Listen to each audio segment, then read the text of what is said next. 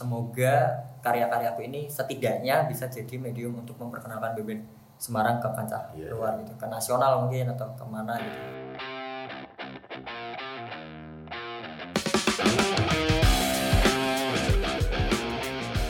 Welcome back to BNB Podcast episode 7 Nah dari hari eh, episode 6 kemarin gue udah sempat kepikiran nih Udah sempat kepikiran tentang skena fotografi Nah di malam ini aku udah punya narasumber yang kayak- kayaknya unik dengan pekerjaannya Dan bisa dibilang keren juga ini. Ini kayak, kayak turunan-turunan dari fotografi apa ya jurnalistik bisa dibilang ini turunan dari jurnalistik yang eh, berhubungan dengan entertain berhubungan dengan eh, stage yang biasanya disebut nih fotograf stage fotografi ya. Iya Mas? stage fotografi. Fotografi panggung. panggung ya. Nah kenalin dulu nih mas sama teman-teman. Ya oke. Halo aku Imam. Imam Supriyono nama lengkapnya. Tapi biasa dipanggil Imam. Kalau di teman-teman nongkrong biasanya dipanggil Mamsu. Mamsu. Iya. Imam. Nah, kalau aku Mas Imam aja. Siap boleh. Mas Imam kayak lebih lebih lebih dekat. Mas Imam, Mas Imam udah udah di state fotografi itu udah berapa lama sih sebenarnya? Kalau aku sih di stage fotografi udah dari sebenarnya udah dari tahun 2013. 2013. eh, 2013 itu mulai pertama banget eh, itu dari magang. Jadi ceritanya dari Magang. magang dulu, magang di media, salah satu media di Semarang gitu. Heeh. Nah, terus magang di situ di 2013. Terus akhirnya sebenarnya dari 2012 deh, soalnya magangnya itu 2012. Terus akhirnya selesai magang tapi masih lanjut jadi Hmm. kontributor untuk media itu, jadi kontrib. Terus akhirnya jalan di dari 2013 itu udah mulai serius akhirnya. Udah mulai kayak nemuin nemuin oh ternyata ada genre stage Ya, eh genre di fotografi yang enggak kayak umum gitu sih. Iya, iya. Dan ini kayak motret stage tuh kayak seru aja gitu sih jadi Lebih seru gitu. jadi akhirnya menekuni dari situ sih dari 2013 itu 2013 itu mulai menekuni. Berarti dari awal sebelum itu berarti Mas Imam udah udah terjun di dunia fotografi tuh. Belum belum sih. Belum sama Hmm, sekali. belum sama sekali. Paling paling paling ya terjun di dunia fotografi ya cuma iseng aja sih. Iseng motret Iseng. atau misal main sama teman Ah. ke mana gitu hangout gitu terus karena ada kamera terus foto kayak gitu gitu Hmm. doang sih paling. Cuman kalau untuk serius motret belum. Belum. Berarti dari pengalaman di di media itu ya? Hmm, berarti memang ini turunan banget dari jurnalistik kan? Iya benar. Dan itu pun sebenarnya karena tuntutan karena harus magang di media itu dan harus liputan yang mana tadinya sebenarnya nulis dulu sih, nulis. Cuman kan karena memang kalau liputan nulis itu harus bisa motret, harus memang Iya. harus harus harus ambil gambar sendiri. Mhm. Jadi nggak mau nggak mau ya kita harus belajar motret sih pas itu. Oh, oke Jadi kayak kok ternyata enak gitu. Terus akhirnya dilanjutin. nah kan banyak dari sekian banyak apa jenis fotografi itu bi- bisa sampai keterusan dan tidak terpengaruh sama jenis yang lain tuh gimana caranya tuh? Apa ya? Hah? sebenarnya klise sih jawabannya sih. Kalau ditanya kayak gini pasti jawabannya bakal eh, karena memang passionate mungkin di situ. Ah, cuman tapi kalau untuk jawaban yang mungkin jawaban lainnya tuh karena dari dulu eh, awalnya aku juga masih bingung sih untuk eh, kenapa aku harus di stage fotografi gitu. Hmm. Kenapa nggak fotografi lainnya Hmm. gitu. Terus akhirnya aku sampai pada akhirnya ketemu sama orang sama ibaratnya dia adalah guru. Nah. Guru di stage fotografi pada saat itu. Dia bilang bahwa mam kamu harus nerusin Ini. stage fotografi ini. Dia kayak gitu sih dia bilang gitu. Karena ibaratnya stage fotografi ini bisa jadi medium kamu untuk mengenalkan band-band Semarang ke kancah luar gitu. Oh, dari situ terus aku mikir mikir mikir dan belajar bahwa aku meyakini bahwa memang di Semarang ini industri musiknya memang kuat banget dan memang keren banget menurut Iya. potensial banyak band-band yang potensial dari Semarang gitu. Cuman eh, sayang banget aja kalau nggak ada orang atau sekelompok orang atau pihak-pihak yang nggak mendukung itu gitu. Hmm, hmm. makanya aku kayak pengen jadi kayak bagian kecil dari perjalanan musik itu lewat stage fotografi kayak semoga karya-karyaku ini setidaknya bisa jadi medium untuk memperkenalkan band Semarang ke kancah Iya, luar gitu ke nasional mungkin atau ke mana gitu. Hmm. kayak gitu sih dari jadi dari situ terus akhirnya kayak mikir kayak ada kayak satu tanggung jawab yang emang harus aku lakukan aku harus harus teruskan gitu sih. Terus kenapa kok nggak fotografi lain gitu? Pernah sih nyoba sebenarnya kalau fotografi yang lain misal Hmm. portrait gitu. Tapi ya nggak nggak nggak terlalu apa ya kayak dari dalam diri gitu kayak kayak nggak nggak nggak klik banget gitu sih. Suka sebenarnya suka. Nggak ngefeel gitu Nggak- ya. nggak- ngefeel aja sih kak. Kayak kayak gini banget sih harus ngederek orang Ah. kayak gitu gitu kan kalau stage photography kan itu semuanya kayak serba natural gitu diambilnya gitu. iya. nggak nggak harus diderek dan lain-lain. Tapi ya sebenarnya suka sih kalau untuk fotografi lain sebenarnya suka. Nggak bukan menutup diri tapi cuman memang karena kok nggak klik. Aku kayak ngerasa seneng itu ketika pas ada di depan panggung gitu sih. Ah, kayak gitu. Loh jadi pernah juga jadi, jadi selain stage itu karena aku mau trade lain juga sih kan untuk produk fashion Hmm. kadang juga wedding juga. Cuman tapi ya itu kembali lagi sih kembali lagi. Tetap aja di stage ini kayak ngerasa nemu spiritnya Ah, ya. spiritnya. Spiritnya, tuh di stage. Kalau di yang lain tuh kayak eh, ada gerak sih Ah, tetap gerak. tetap gerak. Tapi kayak gak gak gak spirit banget gitu Iya, ya. benar. oke. Dan kan stage fotografi itu kan pasti apa ya susah banget kan menurutku Hmm. itu salah satu apa ya genre fotografi yang memang sulit karena Hmm. pasti keterbatasan cahaya dan Iya. dan sebagainya. Nah itu waktu awal-awal tuh emang udah langsung belajar belajar di stage gitu atau memang emang ini otodidak nggak sengaja nemu resep-resepnya mas?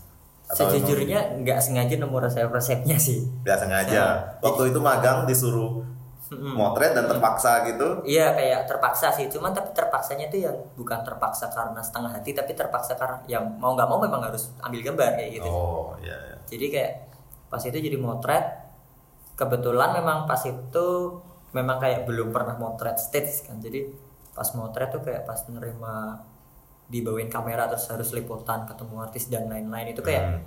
ternyata suasananya asik kayak gitu gitu. Nemuin hal-hal kayak gitu sih. dan kebetulan memang aku suka musik kan dari kecil memang besar dibesarkan di lingkungan musik juga orang-orang yang suka musik juga. Jadi jadi ya kayak bukan hal yang baru untuk nonton konser kayak gitu gitu Hmm. sih. Jadi memang suka aja gitu. Bisa motret bisa nyanyi singelong gitu Hmm. kadang-kadang.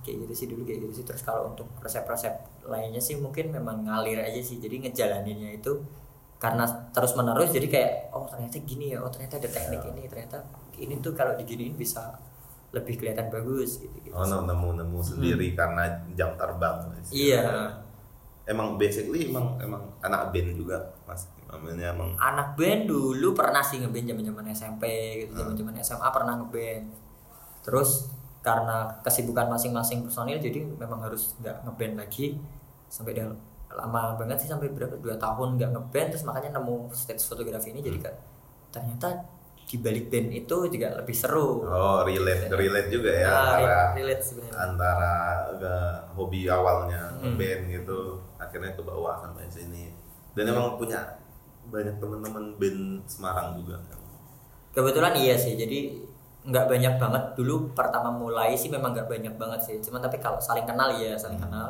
Tapi lama lambat laun lama-lama jadi kayak kenal dan cukup banyak mungkin ya band teman-teman band-band Semarang karena memang ternyata Semarang itu punya banyak band sebenarnya kalau mau dikulik gitu. Hmm. mau aliran apa aja Ah, mau aliran apa aja itu sebenarnya banyak banget sih yang ada di Semarang. Jadi kan biasanya dulu orang pernah bilang kalau Semarang musiknya itu tuh tok Hmm. gitu kan. Hmm. Semarang musiknya itu tuh tok. Tapi enggak, itu sebenarnya persepsi yang salah sih kalau menurut aku. Tapi sebenarnya banyak banget musik di Semarang ini genrenya.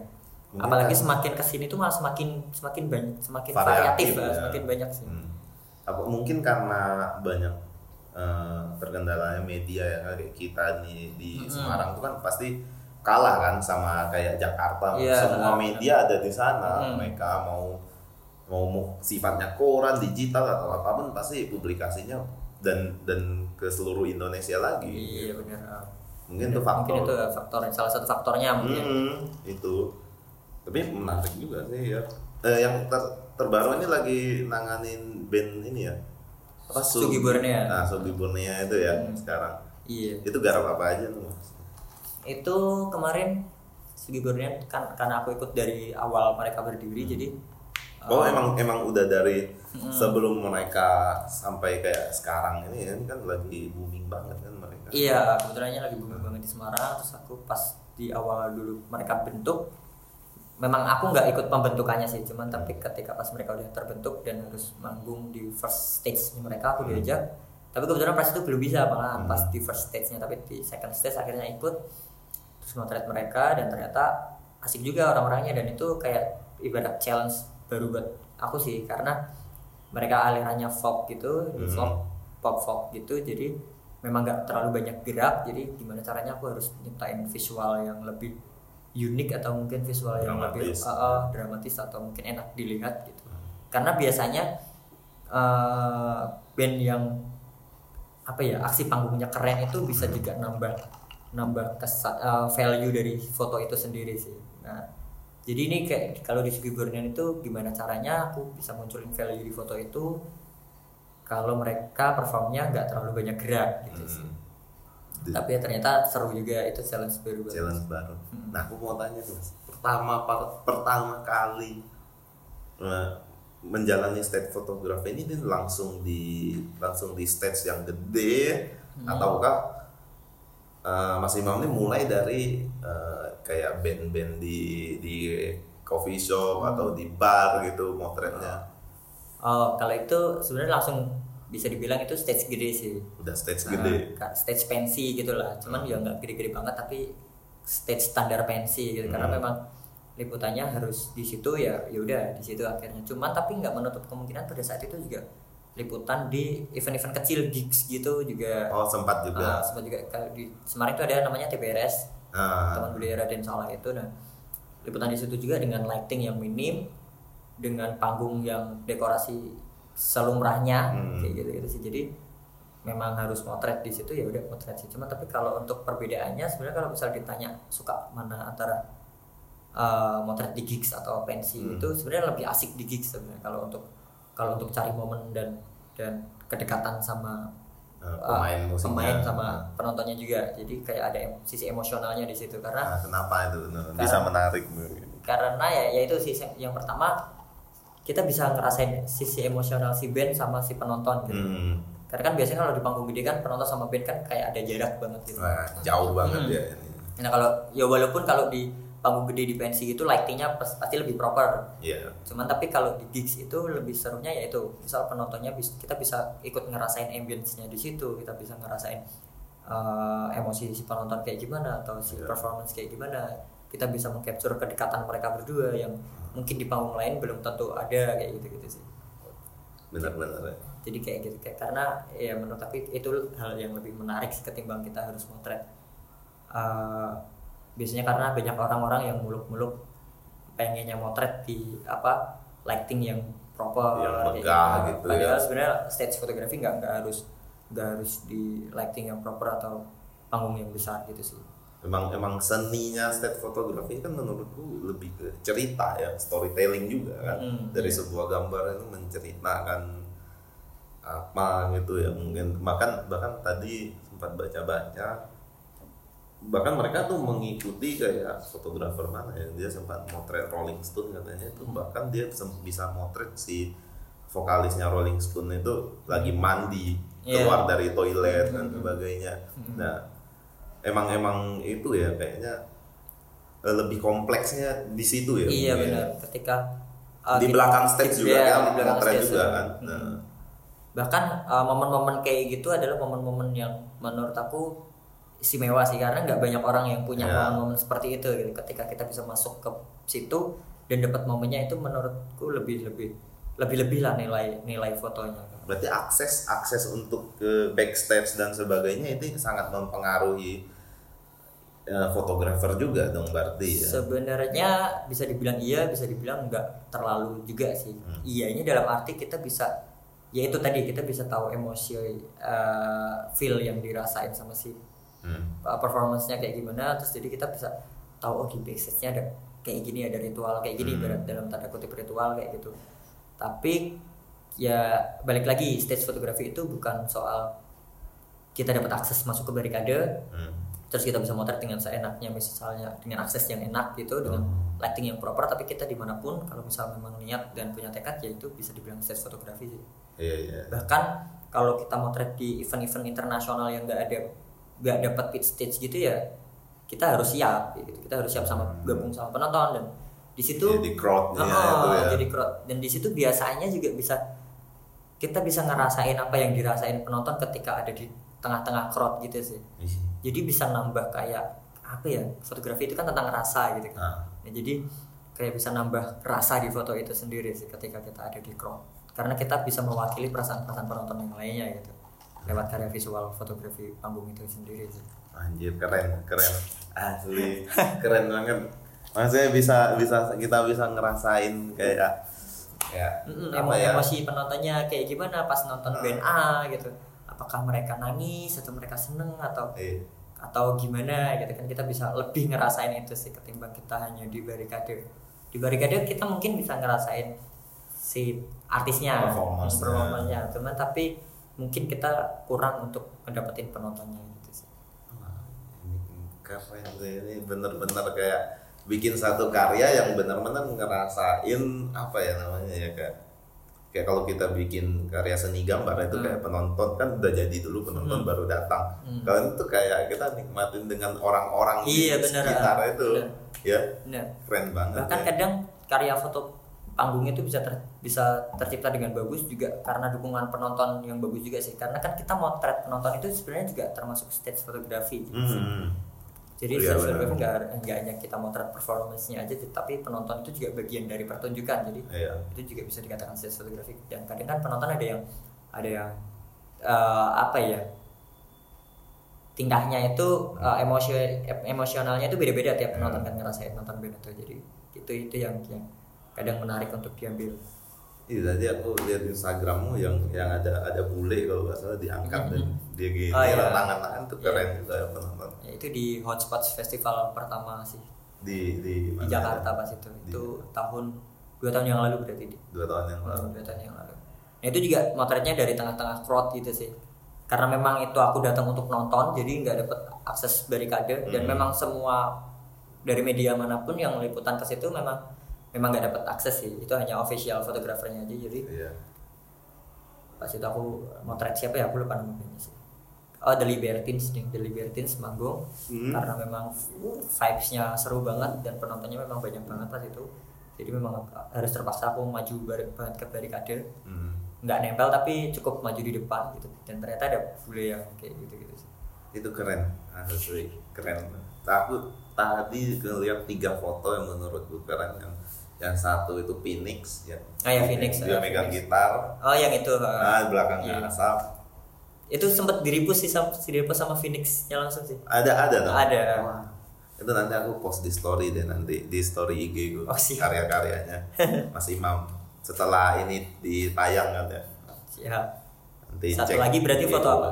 Satu Phoenix. lagi yang yang ini Farid Stevi oh yang yang dia ah, gini. Oh, Dia, yang dia megang mic gini dari samping. oh yang BW itu ya Ah, ah. BW ya? Oh BW BW iya, ya. And White itu yang ada asapnya Ah, itu ya nah itu kenapa aku suka dari dua dua foto yang Phoenix sama yang Farid Stevi Hmm. itu ya yang pertama tuh kayak clear banget, clear, maksudnya clear oh ya kayak itu kan sebenarnya di panggung kan di Mhm. panggung tapi itu gak kayak kelihatan kalau itu lagi di panggung gitu dan ekspresi orangnya itu menurutku dia lagi lagi manggung Mhm. tapi background dan sekitarnya tuh nggak ngelihatkan kalau itu lagi manggung gitu Oh. yang Farid Stevi juga oh, itu keren banget ada asap-asapnya gitu kalau yang yang yang bule gini emang emang wah ini gila sih ya ini aku mikirnya gimana cara gimana caranya kamu ngambilnya itu gitu ya, iya. di tengah hektiknya Penonton. penonton yang kayak gitu kan iya itu nanti aku post keren. Tiga yang salut aku sama karyanya Mas Imam. Kalau penasaran masih banyak lagi tuh tinggal cek tuh di IG-nya siap. Nah pertama pertama kan da- dari media mas. Dapat dari media dulu tuh. Setelah keluar selesai dari selesai dari eh, magang di tempat media pengalaman pertamanya untuk di set fotografi ini di mana? ya? Pengalaman Kalau dari media kan pasti kita dapat perintah dong, Mhm. foto di sana, Hmm. foto di sini dan dan sebagainya kan. oh iya Ya kan. Nah, ketika keluar dari dari media pasti otomatis kayak Mas Imam independen dong jadinya jadi Iya. sendiri kan. Hmm. Mau nggak mau harus ngulik event, Iya, cari iya. event yang lagi lagi ya apa nih minggu ini. Hmm. Nah, itu pertamanya di mana? Kalau jadi setelah dari media itu eh, nextnya itu aku langsung diajak sama band Semarang sih. Band Memang metal lah. kenal. Band metal. band metal. Wah, band metal lebih Semarang namanya keren. Sunday Set Story pas itu. Itu tahun berapa aku tapi agak lupa sih tahun 2015 apa ya? Kalau nggak 15 ya 14 sih berarti. Pokoknya di antara tahun kalau nggak 14 ya 15 mereka itu main di Jacklot Jakarta kan di, di Senayan apa ya di parkit parkit Senayan. Di Jacklot ya, di Jakarta Jacklot Jakarta. Clothing. Hmm, dia main di situ secara nggak sengaja sih. Jadi tiba-tiba dia mereka nge DM aku kan. Karena memang sebenarnya udah udah kenal sedikit kenal. Hmm. kenal biasa gitu kenal. Terus aku bercandakan komen dia dia upload foto terus Hmm. wah keren nih. Terus mereka bilang ayo ikut gitu. Seriusan mas karena aku itu baru debut debutku ikut band terus langsung akhirnya mereka ngontak langsung Hmm. lanjut ke WhatsApp gitu. Kamu kosong nggak jadwal tanggal ini? Ya Hmm. kosong sih mas. Gimana? Ikut ke Jacklot yuk langsung fotoin kita. Yaudah mas ayo kapan? Tanggal ini ini nih gitu kan. Oh oke siap siap. Terus akhirnya berangkat. Berangkat dari situ terus diajak lagi besokannya setiap kali manggung. Terus kebetulan di tahun berikutnya atau tahun berapa aku agak lupa sih pas tepatnya. Pokoknya pas itu Hmm. uh, diajak mereka manggung ke Jacklot lagi kayaknya ta- tahun berikutnya sih ke Jacklot lagi. Terus sempet diajak juga ke AMI Awards sama mereka karena Hmm. mereka masuk nominasi di AMI Awards.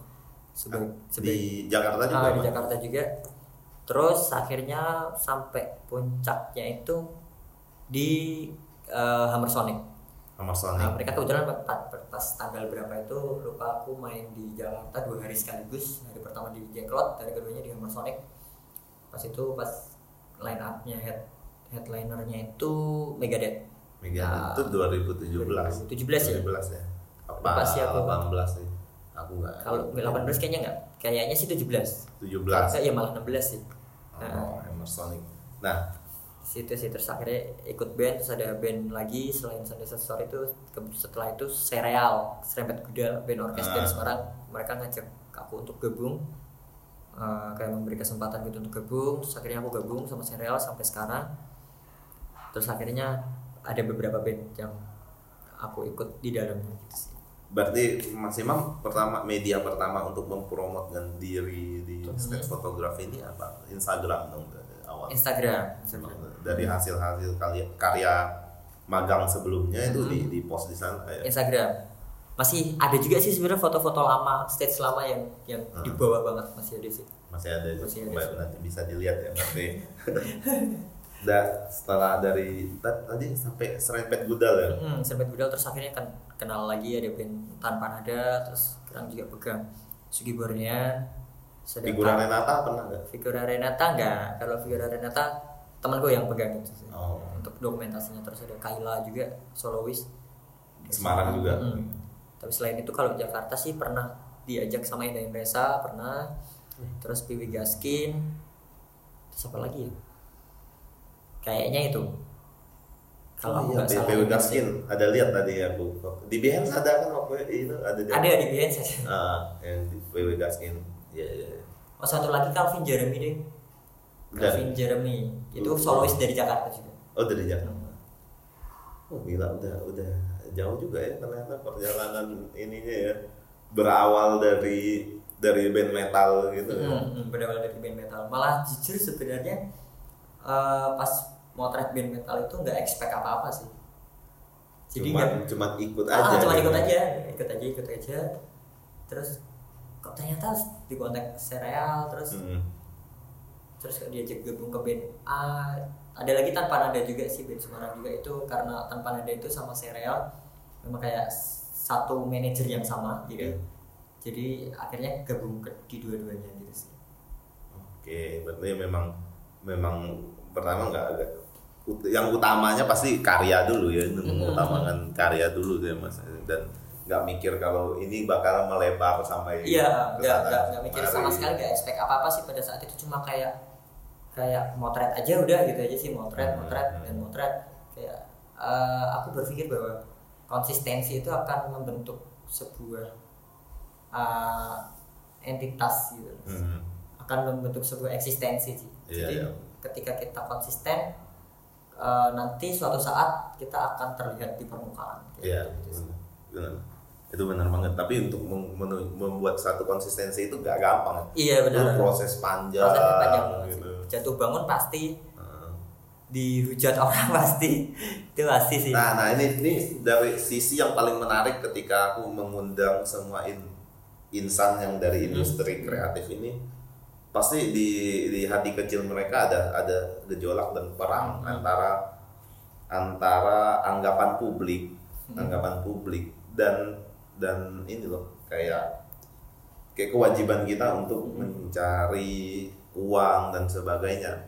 Contoh kayak misalnya eh, orang ketika dengar kita bekerja berprofesi sebagai fotografi aja orang eh, di tahun-tahun berapa tahun yang lalu itu masih kayak yakin lu mau jadi Iya. fotografer gitu kan mau makan apa dan sebagainya. Nah sama ada kayak kayak industri clothing juga mereka di F&B juga mengalami itu. Nah Mas Imam ini pernah mengalami nggak yang proses kayak gitu? Kalau mengalami proses itu sih kayak sebenarnya apa ya iya ya nggak terlalu sih malahan sebenarnya. Karena pressure kayak gitu nggak terlalu nggak ya? terlalu sih. Atau mungkin akunya yang yang cuek nggak cuek aku nggak tahu sih cuman tapi kalau aku rasa sih kayaknya nggak pernah kayak orang yakin kamu di di Hmm. scene ini kayak gitu Hmm.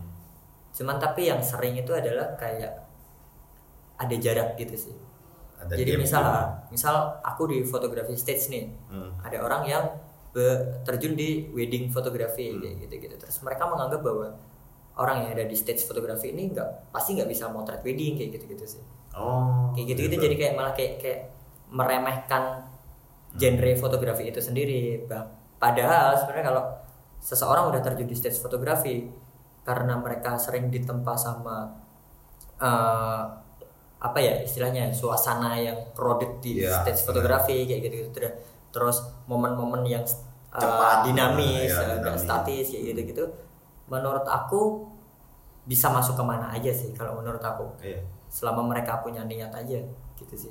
Nah, karena kan kalau masalah teknis kan masih bisa dipelajarin gitu. Yang susah kan feelnya kayak Iya. gitu sih. Yang susah itu adalah rasanya gimana kita menciptakan foto yang bisa berbicara atau gimana kita bisa mencipta apa menaruh rasa di foto itu ya gitu gitu sih. Jadi jadi kalau untuk diremehin secara yakin di fotografi Hmm. gitu sih mm, mungkin mungkin belum pernah mungkin ya. Atau mungkin aku niseng agak agak Nggak. cuek sih aku nggak tahu sih cuman tapi ya tapi memang sebenarnya kalau dipikir-pikir kalau untuk bisnis fotografi ini kalau misal pun ada orang yang bilang kayak gitu atau nanya mungkin eh eh, yakin kamu di stage fotografi atau yakin kamu mau motret di industri entertain seperti ini emang bisa ngehidupin Hmm. kalau masalah ngehidupin bisa atau enggak sih ya itu balik lagi sih ke orangnya masing-masing gimana caranya kamu nge-manage dirimu sendiri Ya. gitu kan sebenarnya memang nggak terlalu jadi apa ya bisnis yang menjanjikan untuk di stage fotografi karena memang memang uh, aku juga berangkatnya kan dari campaign itu tadi yang Hmm. aku sampaikan di awal itu untuk memperkenalkan musik ya uh, di benar sebagai, benar. sebagai medium promosi itu tapi dari stage fotografi ini aku kayak bisa ngebuka link gitu sih jadi Untuk- kenal banyak orang Ya, terus dengan di, benar. di balik latar belakang masing-masing mereka gitu Hmm. jadi bisa kenal si A yang ternyata uh, founder ini atau si B yang ternyata owner ini Hmm. atau si C yang ternyata dia punya bisnis ini nah dari Hmm. situ mereka pasti juga bakal ngobrol sama fotografernya masing-masing gitu di Iya. stage itu kan bakal ngobrol eh kamu bisa motret produk nggak sih Iya. ayo fotoin kayak gitu gitu jadi kayak memang aku awalnya juga nggak berekspek terlalu besar di stage fotografi aku harus harus bisa bertahan hidup atau punya fi- finansial yang cukup di sini tapi Hmm. uh, ternyata pas aku ngejalanin itu kayak semesta mendukung gitu jadi Hmm. uh, circle-nya itu kayak kebuka banget gitu sih jadi kayak Membuka jalan Ah. awalnya tuh tertutup bener tertutup dan malah ah, gitu ya. dan malah dapat ibaratnya dapat cuan dari situ sih Hmm. malahan sih dari dari circle yang di luar jadi kan malah kayak apa ya double gitu kan. Misal di stage ya dapat terus ternyata dari kenalan di stage itu juga kita bisa kerja juga sih Iya. kayak gitu sih kalau kalau kita tadi ngomongin yang kayak misalnya ada anggapan kalau state fotografi itu gak bisa motret wedding menurutku itu gila sih kalau dia Hmm. beranggapan kayak gitu wedding aja menurutku apa settingan acaranya kayak udah teratur banget. Coba deh motret di Hammer Sonic yang iya benar makanya. metal metalan gitu itu kan makanya kenapa aku ngang, ngang, apa ngangkat state fotografi ini? Karena menurutku basicnya kan aku DKV Hmm. karena aku juga mempelajari fotografi kan walaupun Iya, cuma dua semester kayak atau apa. Cuman ngerti cara nyeting kamera dan sebagainya. Nah menurutku di, mo- motret di panggung itu susah susah banget. Apalagi kan kita punya batasan. Flash nggak boleh nyala Hmm. Iya, ketika benar. di panggung itu. Benar. itu mengganggu banget kan. nah kenapa aku angkat ini? Tuh karena menurutku wah ini susah. Dan Iya. performance kan di- dia nggak Iya, nggak peduli dia mau ke mana Iya, aja benar. gerak sana sini bebas. Dinamis. Heeh. nggak Makanya- bisa kita atur.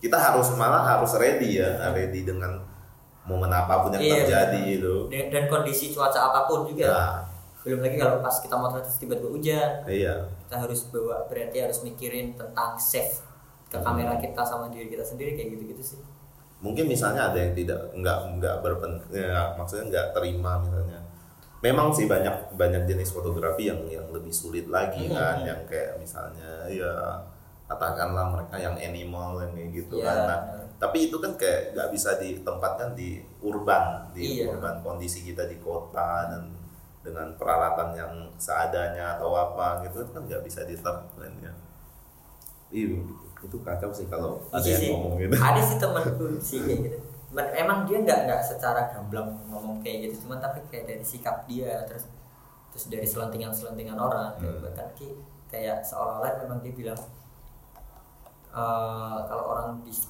stage fotografi pasti ya bisanya motret stage aja padahal nggak banyak juga sih di Jakarta bahkan banyak juga orang-orang stage fotografer misalnya fotografernya tulus kayak gitu gitu Hmm. mereka juga punya side job untuk di wedding kayak gitu gitu juga Iya. dan hasilnya gila. Ya pasti lah. gila sih. Gila. keren. Keren sih karyanya. Diminum aja mas kopinya. Mas ya. Kita kita tadi udah udah cerita tentang step awal awal. Hmm. eh, kenapa harus eh kenapa memilih state fotografi dan sebagainya. Terus perjalanan bertemu dengan band-band ini itu gak, semuanya nggak pernah dibayangkan ya dan nggak pernah Iya. di plan ya semuanya Nggak pernah di plan.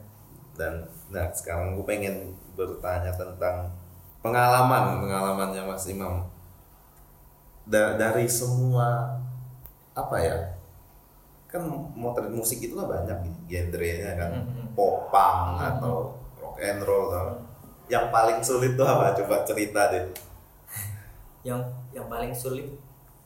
Kalau dari apa sih ya sebenarnya band-band yang uh, genrenya kalem gitu sih. Kayak Oh, folk gitu, iya, iya. terus yang mereka itu lebih banyak performance-nya itu lebih banyak uh, diem di tempat gitu sih. Mhm. itu lebih susah sih menurut aku. Karena mungkin dari sekian banyak jepretan bakal hampir sama. Bakal hampir sama gitu ya? frame-nya bakal hampir sama. Nah di situ tapi tantangannya sih. Gimana caranya kita bisa nyiptain foto yang ya seenggaknya enak dilihat. Gitu nah itu gimana tuh caranya ngakalin yang kayak gitu? Kadang kadang sih aku sampai sekarang masih mikir sih masih mikir terus sih. Nah. tapi kadang seringnya aku pakai eh, biasanya pakai foreground biar fotonya itu atau visualnya itu eh, lebih sedikit beda aja sih. Misal bisa pakai plastik bisa pakai cup kayak gini buat jadi foreground kayak gitu gitu sih terus. Kalau enggak aku main-main eh, momen-momen yang orang lain itu enggak enggak enggak begitu paham akan momen itu maksudnya maksudnya adalah orang lain itu belum tentu mau ambil momen itu kayak misal Hmm. misal nih aku motret Sugi Bornean si vokalisnya lagi lagi minum gitu lagi minum ngebelakangin penonton terus aku ambil itu karena aku mikirnya itu sisi unik ah ya. itu sisi uniknya nggak nggak banyak orang yang mau ambil momen kayak gitu Hmm. apalagi kalau pas break manggung break maksudnya Hmm. break lagunya break lagi di transisi lagu pasti orang bakal cuek karena lampunya nggak ada karena lampunya hanya spot follow aja kayak gitu gitu sih tapi buat aku itu bisa jadi sisi unik terus mungkin aku bisa ambil hal-hal lain kayak ekspresi penonton kayak gitu terus mungkin main angle kayak gitu gitu sih oh gitu itu Hmm. trik-triknya nah per- pernah nggak dari semua motret motret gitu Hmm. pernah dapat kejadian yang nggak enak. Atau mungkin katakanlah eh, dimarahin klien atau apa ini hasil fotonya kurang kayak atau karena di motret di crowdednya penonton gitu kamera jatuh atau apa? Pernah sih sering malah sebenarnya sering Sering. sih, sering sering. Kalau kejadian gak enak ya kayak misal pas motret dulu di 2000 berapa ya? 2016 atau ya. Eh saya saya 2016 ya 2016 2016 eh, harus liputan ke Widow Fest liputan ke Widow Fest. Fest. Nah, di Jakarta pas itu gestarnya Mark Ronson. Ada Mark Ronson juga salah satunya terus liputan itu Widow Fest kan tiga hari kalau sekarang tapi pas itu masih dua hari. Nah aku aku nggak ada persiapan apa pun pas ke sana. Jadi nggak nggak cross check soal cuacanya kayak gimana di Jakarta. Hmm. apakah udah hujan atau atau masih panas gitu. Karena memang pada saat itu eventnya sebenarnya tagline-nya adalah summer festival karena memang Iya. harusnya memang udah masuk ke summer sih cuma Iya. tapi ternyata pas sampai Jakarta hari pertama itu udah hujan dari dari sore sampai malam habis maghrib apa jam-jam 7 gitu Hmm. jadi kamera kehujanan karena memang gak ada persiapan apa pun Hmm. kamera kehujanan tapi untung nggak apa-apa terus akhirnya tetap lanjut motret besokannya balik balik lagi ke the Fest liputan hari kedua itu hujan full dari dari siang sampai malam sampai selesai acara Wah, itu kamera mati di tengah-tengah show. Jadi pas pada saat itu memang kan dapat jas hujan dari dari panitia dari Ah. panitia dapat jas hujan. Terus akhirnya jas hujan itu nggak aku pakai buat badan tapi tak pakai buat kamera kan karena Hmm. memang harus mau nggak mau memang harus dapat foto kayak gitu sih. Kayak insting aja naluri gitu kan karena memang harus dapat foto. Ya udah aku tutupin buat kamera motret jepret jepret jepret jepret tapi pas di Mark Ronson apa ya kalau nggak oh pas di 1975 sih ada band namanya 1975 Hmm. itu kameraku rusak. Langsung mati total. Lagu pertama Wah. baru padahal lag- padahal baru lagu pertama. Baru 10 jepretan apa ya? Baru 10 jepretan jepret jepret jepret, jepret. kameraku mati dan benar-benar gak bisa hidup. Terus aku bawa ke media center. Aku keringin aku kipasin ditiup dan lain-lain segalanya. Aku buka semuanya dibantuin sama teman-teman media dari sana. Ada beberapa teman-teman media yang, yang di sana sih pas itu tetap aja nggak bisa hidup ya wes akhirnya nggak bisa motret terpaksa dan itu klien marah kok Enggak, pas itu kebetulan kan media ya. Hmm, masih oh, kerja iya, media. iya. Jadi pas itu ya bisa di ngertiin sih kondisinya. Hmm. Aku cerita kondisinya kayak gini gini gini gini, aku udah coba pakai jas hujan untuk kamera tapi ternyata ngembun. Jadi Oh. permasalahannya itu ngembun. Karena suhunya memang dingin banget di sana kan, dingin banget sampai banyak ada beberapa yang pingsan juga sih sampai. Oh. Karena memang hujan terus gak reda-reda dan dingin Hmm. banget. Karena kan summer festival ya jadi yang Iya. nonton itu ya pakaiannya terbuka jadi kayak dingin banget di sana kan jadi. Iya iya iya. Judulnya summer tapi nyatanya hujan. Ya, sih. gitu. sih. Judulnya summer tapi ternyata pas kondisinya di sana itu hujan. Nah itu sih paling itu. Terus sisanya sih paling kalau di gigs gigs kecil ya ketendang kesikut gitu-gitu sih. Itu tapi tidak jadi hal biasa sih. Kayak malah seru gitu kan. Ya memang itu esensi stage fotografi kalau motret di gigs itu kayak gitu sih. Kalau belum ketendang itu kayak belum afdol gitu. Kemarin temanku motret di crowd eh, pas pelipis matanya sini bocor buset. Terus dia masih lanjut foto? Masih lanjut foto cuma diguyur air di tengah-tengah crowd gitu diguyur air diguyur air sampai kering sampai udah udah hilang darahnya terus dia motret lagi. Gila. Gila ya parah sih. Benar-benar kayak kamera aku senjata. Ah, benar benar. Udah yang penting bukan kameranya aja yang rusak sih. Kalau selama kameranya belum rusak ya berarti belum boleh berhenti kayak gitu sih berarti edan itu benar-benar harus di samping harus menguasai skill mentalitas iya benar. perlu mental itu perlu banget sih kalau menurut aku untuk di stage. Karena ketika kita ragu atau kita takut iya. jauh ya kita nggak mungkin eh, susah untuk dapat posisi yang enak di crowd atau eh, hasil yang proper gitu. Pas ketika Iya. motret di tengah-tengah crowd gitu sih apalagi band-band metal ya kita mau masuk Oh, benar. wah. Bener sih dulu pernah juga pas pas di Homer Sonic sama Sandy Story itu kan setelah mereka manggung aku tetap ambil gambar Hmm. si siapa headlinernya Megadeth Megadeth, kan Megadeth. Ya, ya itu memang harus ke tengah-tengah crowd. Harus di tengah-tengah crowd motret dari tengah crowd. Ya ya wes nek band-band metal kan mosing dan lain-lain gitu sih. Nah, ini ya Hammer Sonic. Hammer Sonic ini kan lagi lagi nge- lagi apa di, di Instagram dan Twitter lagi panas-panasnya nih karena Slipknot kan Heeh. di Maret ini. Nah, coba tuh ceritain pengalamannya Mas Imam di, di Hammer Sonic dari awal pertama itu tahun berapa 2017 ya? itu 2017 sih dan itu pertama kalinya di Hammer Sonic akses ke sana untuk motretnya gimana terus kondisinya di itu gimana coba Hmm. diceritain karena Hammer Sonic itu kalau di event apa ya namanya ya? ini dia metal ya. Band-band Dia metal band-band dia metal. kayak kayak lebarannya anak metal gitu. Iya. kayak ya ya. Kan? Umrohnya anak metal. nah umrohnya anak metal yang benernya gitu. Dan sekarang lagi panas-panasnya nih karena dia punya suicidal apa gitu kemarin line up Suicide Silent. Ah Suicide Silence sama Slipknot ya Iya. kan? Nah, coba tuh ceritain dari awalnya kalau di Sonic pas itu kan aku ikut band Sunday Side Story manggung di Ah. situ terus mereka ngajak ayo emang kita manggung di Hammer Sonic oke gas terus gas ke sana habis itu motret sebenarnya kalau kondisi lapangannya sih eh, seru sih karena Hammer Sonic sebenarnya ada tiga, tiga panggung Eh, panggung Hammer sama Sonic Mhm. yaitu yang di panggung gedenya terus ada panggung eh, lainnya itu another place-nya itu ada di indoor pada Oh, saat ada itu indoor. tapi kalau sekarang aku nggak tahu sih pas, pas itu ada Hmm. tapi kayaknya masih sampai sekarang masih ada mungkin ya itu untuk band-band yang dipilih sama Hammer Sonic Hmm. band-band yang eh, kayak ibaratnya mau diperkenalkan sama Hammer Sonic ke publik gitu sih mainnya di Oh. situ kayak gitu gitu sih terus eh, kalau di situ ya indoor indoor biasa sih indoor dengan AC yang dingin banget oh Indoor, di, ya. di AC juga ya indoor di AC di hall di hall terus Hmm. kan pas itu mainnya di Ancol sih kalau Hmm. tahun ini nggak tahu di mana kayaknya di Ancol masih di Ancol ya. nggak tahu belum lihat cuman tanggalnya aja 20 berapa Hmm. Maret gitu. Terus kalau outdoornya itu ya suasananya lapangan gitu sih. Kalau penontonnya sih ya kayak band-band metal pada umumnya atau festival metal pada umumnya sih. Hmm. jadi ya mereka mosing gitu. Kadang bikin sir apa circle circle pit dead dead circle nah, dead circle ya dead circle kayak gitu gitu sih. Ya kalau urusan kesenggol ketendang ya ya itu resikonya sih itu kalau udah biasa. di situ. Berarti tapi, gak, gak tapi ada ya seru Eh, kalau kan Hammer Sonic kan banyak kan band-band dari Hmm. luar gitu kan beda gak sih motret mereka yang dari luar atau mereka yang dari itu atau ada feel yang beda kalau feel yang beda pasti ada sih kalau untuk band-band luar gitu atau band-band yang belum pernah ditonton Hmm. atau band-band yang memang disuka gitu Hmm. pasti feelnya beda misal entah itu band luar negeri atau band Indonesia pasti feelnya beda-beda misal motret band metal itu ya eh, apa ya istilahnya ya?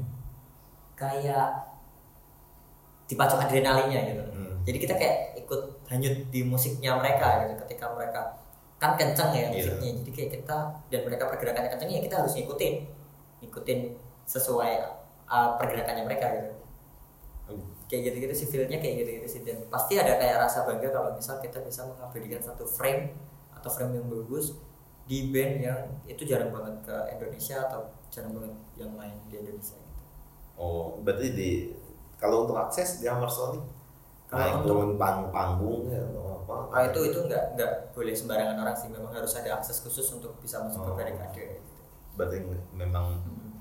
nggak bisa sembarang pindah tempat gitu ya Ya nggak bisa. agak susah juga Agak susah, agak susah. itu tantangan juga ya Itu berarti. tantangan sih. kalau proyekan sama apa tadi Sugi Sugi Bornean. ah, Sugi Bornean apa selain performnya mereka album Ah, kalau untuk album Cover. ini belum tahu sih untuk covernya nanti mau dibikin seperti apa belum tahu cuman tapi sebelumnya itu dari awal mereka berdiri udah bikin untuk cover single hmm. terus bikin untuk foto profile band mereka Hmm. masih kayak sebatas itu sih oh ini ini yang lagi Hmm. dijalankan Nah ini yang lagi dijalankan ini mau bikin gimmick visual untuk albumnya mereka sih. Kan ini mereka dalam waktu dekat ini mau rilis album, jadi Hmm. jadi memang harus mempersiapkan uh, promo visual yang menarik kayak gitu. Nah ini lagi-lagi proses penggarapan materinya.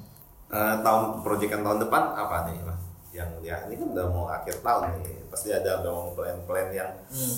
ya setidaknya sedikit bisa dikasih bocoran Plan tahun depan sih pameran sih pasti. pameran pameran pengen pameran tunggal stage fotografi juga. Sebenarnya tema konsepnya itu udah dapat dari dua tahun yang lalu dari 2000 ini 19 berarti 2017 akhir itu udah dapat udah dapat konsep udah dapat tema. Hmm. cuman memang belum ada titel acaranya apa sih titel pamerannya apa belum belum dapat dan itu sebenarnya mau rencana pamerannya itu di 2018 Hmm.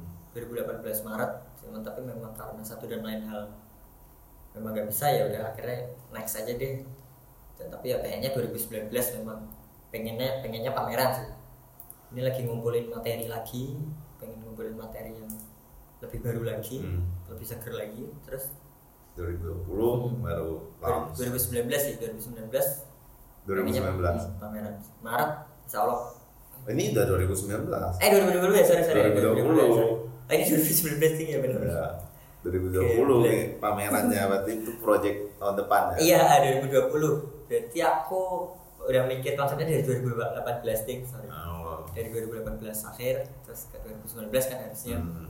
Tapi memang nggak bisa 2020. Oke, terus apa lagi tuh? Ya, belum. Untuk keluar misalnya Belum, belum, belum ada niatan sih. Bali ah Bali apa ya? Kalau tahun depan Bali paling Sondrenalin. Hmm, Ya. adrenalin. Adrenalin eh sempat mau berangkat sih pas itu, sempat submit ke beberapa line up Hmm. terus akhirnya ada satu yang yang nyantol tapi ternyata gak jadi Oh, mereka nya nggak jadi. akunya nggak bisa apa ya memenuhi apa yang mereka minta sih Hmm. Nah, event-event kayak DJ DJ Mhm. pernah motret ya? belum belum pernah Belum pernah. tapi pernah sesekali paling di di Semarang gitu di Hmm. klub-klub gitu sih dan itu pun diajakin teman jadi mereka memang dia memang official uh, klub itu. Hmm. terus diajakin untuk ayo ikut sekali-sekali nyobain dong motret uh, nightlife gitu kan. Oh itu sebutannya motret nightlife gitu ya. Nightlife, motret nightlife. Oh. ya udah ayo. Kayaknya seru kan? Kayaknya seru terus akhirnya motret. Ya seru-seru nggak seru sih sebenarnya sih. Tapi sebenarnya banyak momen-momen yang orang lain tuh belum tentu bisa dapet gitu di night di fotografi Hmm. nightlife Hmm. gitu. Nah itu sebenarnya genre yang berbeda lagi atau gimana sih? sama sih sebenarnya karena sama-sama basicnya itu perform motret performance dan itu Hmm. musik dan di atas panggung jadi Iya sama ya. Sama. Cuman beda penyebutannya. cuma beda penyebutannya aja dan biasanya kalau orang-orang yang motret kalau temanku ini sih dia motret nightlife itu ya dia motretnya nightlife terus gitu sih di klub terus gitu Oh. circle-nya dia ya circle orang-orang klub gitu Oh gitu berarti memang memang butuh portofolio yang jenisnya Hmm. lebih berbeda lagi ya. Eh, bener kayak Oke. ibaratnya musik kalau main di ada yang main di metal ada yang main di black metal ada yang Iya, main iya. di folk gitu-gitu sih Nanti kayak misalnya di DWP gitu Hmm, yang hmm. portofolio yang, lebih proper buat ya diajukan bener, ya. bener. Kalau kita berbicara ke tips and trick nih, misalnya Mas Imam nih awalnya dari kamera yang kayak gimana sih, gitu Hmm. dan pemilihan lensa, setting Hmm. dan sebagainya itu kayak gimana? kalau aku sih dulunya sebenarnya awal pakai awal motret stage itu pakai Nikon malahan Hmm. Nikon D60 D60. itu udah lama banget sih kalau D60 diomongin sekarang gitu ya itu udah Iya. udah jadul banget sih tapi ya pada saat itu memang kantor adanya itu ya mau nggak mau memang harus pakai itu Itu 2000 berapa tadi? itu 2013 2013. Wah, ini berapa tahun yang lalu? 2013 motret pakai itu masih Nikon D60 Terus habis itu lambat laun nabung nabung nabung beli kamera dulu kamera sendiri Hmm. akhirnya pakai Canon Canon. untuk pakai Canon Lebih enak Canon apa Nikon? sebenarnya sih lebih enak Nikon Lebih enak Nikon. Nah. Lebih enak Nikon cuman tapi budgetnya masih Canon kan saat itu kan. Oh, iya. sampai sekarang ya masih Canon sih. Eh, mas budgetnya karena Canon ya udah akhirnya Canon eh, pakainya 60D 60. kalau Nikon D60 di Canonnya 60D 60D pakai itu sampai berapa tahun ya? Agak lama sih tiga tahun ada kayak kali tiga tahun empat tahun ada mungkin ada. Terus setelah itu ganti ke Nikon 6D 6D. eh, 6D eh Canon sorry Canon 6D Canon Canon 6D. 6D sampai sekarang Oke, kalau untuk pengaturannya sih paling biasanya aku yang pasti pakai high ISO ISO nya tinggi Hmm. karena apa karena kita motret di stage untuk ngejar momen kan Hmm. jadi Shutter speednya Hmm. satu per biar shutter speednya tinggi, Tinggi. juga jadi makanya ISO nya aku pakai yang tinggi nah kenapa itu aku eh, dari 60 di beralih ke 6D karena 6D itu bisa toleran toleransi noise-nya itu lebih minim kan oh ya kalau ISO tinggi kan sekarang noise-nya yang banyak gitu. Ya jadi aku pakai 6D biar toleransi noise-nya minim. Hmm. terus pakai settingan high ISO sih yang pasti. ISO tinggi biasanya di angka sama di 1,2 pas kalau diafragma aku malah lebih ke 2,8 tuh koma 2,8 seringnya sih 2,8 22 2,2 2,8 gitu. Hmm. Tapi tergantung kondisi lighting juga kalau lightingnya kenceng banget lightingnya terang banget Iya. biasanya aku suka ke Digedein. bukaan yang lebih kecil jadi misal di angka 7,1 Iya. kayak gitu gitu bahkan pernah di bukaan 12 apa berapa sih 13 sih 13 gitu gitu pernah juga karena untuk ngejar lampu yang biar untuk bintang kayak gitu gitu sih Ber- berarti udah udah ngerti ya udah hafal ya kalau tas nyala udah Iya. langsung bisa manual berarti semua manual. Semua manual. Ngaturnya manual. Karena pakai kalau otomatis agak susah sih kalau untuk bisnis ya karena itu lightingnya kan dinamis. Berubah-ubah cepat banget kan. Jadi lebih baiknya manual aja pakai. Fokusnya juga manual. kalau fokusnya nganu otomatis. Otomatis. Hmm. karena ada sempat beberapa orang juga bilang kalau misalnya kita motret di kondisi lighting yang yang rendah yang maksudnya kita butuh ISO tinggi Hmm. gitu kan. Autofokusnya kita akan bekerja sangat keras gitu. Kalau misalnya Iya. kondisi cahaya di sananya nggak proper gitu loh. Hmm, Nah, benar. Akan lebih baik kan katanya di manual. Tapi kalau manual lama juga ya. Iya, kalau manual lama dan beresiko sih. Terlalu beresiko untuk dapat momen yang freeze gitu sih. Terlalu beresiko. Hmm, karena kan mungkin nanti miss atau gimana itu miss Hmm. fokus dan lain-lain. Iya benar berarti kalau memang emang ini tentu awal ya kamera apa bisa berarti? Bisa sebenarnya bisa sih. Yang seri tiga digit ya yang misalnya Hmm. lima lima puluh Hmm. atau enam bisa sebenarnya bisa. Kalau dulu itu 60 D itu mungkin setara sama apa ya? 550 apa ya kalau di Canon dan itu sekarang. kalau kalau sekarang waduh, udah ketinggalan banget sih kalau 60 D60 sorry deh D60 D60 Nikon. Itu mungkin kalau di Canon itu setara 550 mungkin ya jadi toleransi noise nya masih gede banget sih. Jadi pakai biasanya pakai ISO 800 itu udah noise banget. Pakai ISO 800 itu udah noise banget sih. Tapi ya pada saat itu memang memang belum banyak kamera yang canggih sih. Iya. Eh, Sony Sony A7 A7 Mark berapa III atau gitu A7 ya. Itu Oh, lebih itu lebih, mahal banget sih. lebih asik sih Iya, Sony gila ya. Ya, dan pixelnya kan dia lebih padat kalau dibandingin Canon Oh. jadi dimensi gambarnya itu lebih lebih kerasa gitu sih emang emang berarti nggak cuma lagi hype gitu ya mirrorless Ah, emang iya. secara fungsional pun secara fungsional memang udah bagus banget sih udah upgrade banget mah. upgrade banget bahkan banyak fotografer yang akhirnya beralih ke mirrorless juga Faktornya itu ya karena dia kecil dan oh, enteng kan Ah. jadi juga uh, untuk ngambil fokusnya juga cepat banget kalau untuk mirrorless kan biasanya oh lebih cepat. Uh, lebih cepat sensornya itu lebih cepat sih untuk seri-seri yang baru Nah kalau ah, buat pesan teman-teman misalnya yang baru mau mulai Hmm. berkarya di stage fotografi itu step step pertamanya gimana mas? step pertamanya adalah uh, punya niat sih kalau menurut aku jadi kayak jangan setengah-setengah gitu kalau untuk menjalani Hmm. Hobinya khususnya di stage fotografi sih. Karena apa? Kalau ya itu tadi yang aku bilang eksistensi eh konsistensi akan membentuk eksistensi seseorang gitu. Iya. jadi kalau setengah-setengah mendingan nggak usah sekalian aja gitu. Lakuin aja sampai di titik yang dipengen nanti pasti bakal nemuin ritmenya gitu sih. Awal-awal mungkin eh, boleh sih kayak nyabang gitu nggak masalah sih kalau menurut aku. Tapi ya harus punya satu tujuan kayak gitu sih Fokusnya di Hmm, mana harus punya gitu. fokus ya. gitu sih Gear dan sebagainya yang seadanya juga. nggak ah masalah. gear gear seadanya aja nggak masalah sih karena ya yang penting motret aja pada saat itu aku juga mikirnya gitu sih yang penting motret deh aku nggak punya kamera kan pas itu berarti Hmm. pakai kamera kantor sampai berapa tahun aku lupa agak lama juga yang penting motret aja gitu mau orang lain kameranya lebih canggih atau apa pun nggak masalah sih karena eh, yang penting kita senang aja sama karya diri kita sendiri gitu kan Iya. Karena aku mikirnya siapa lagi kalau bukan kita sendiri yang bangga sama karya kita gitu. Iya. Kalau kita sendiri aja nggak bangga sama karya kita, gimana orang lain mau bangga sama karya kita kan gitu. Mm-mm. Jadi ya motret aja ikhlas ikhlas kelas gitu. motret aja terus nanti pasti waktu akan jauh mantap ini ini, ini harus di, diterapkan kalau masalah gear udah dijelasin tuh nggak mesti Hmm. Nggak mesti repot-repot yang mahal iya benar. ya kan? kalau pengen yang mahal ya home credit aja mending. Dan kalau misalnya memang ada ya.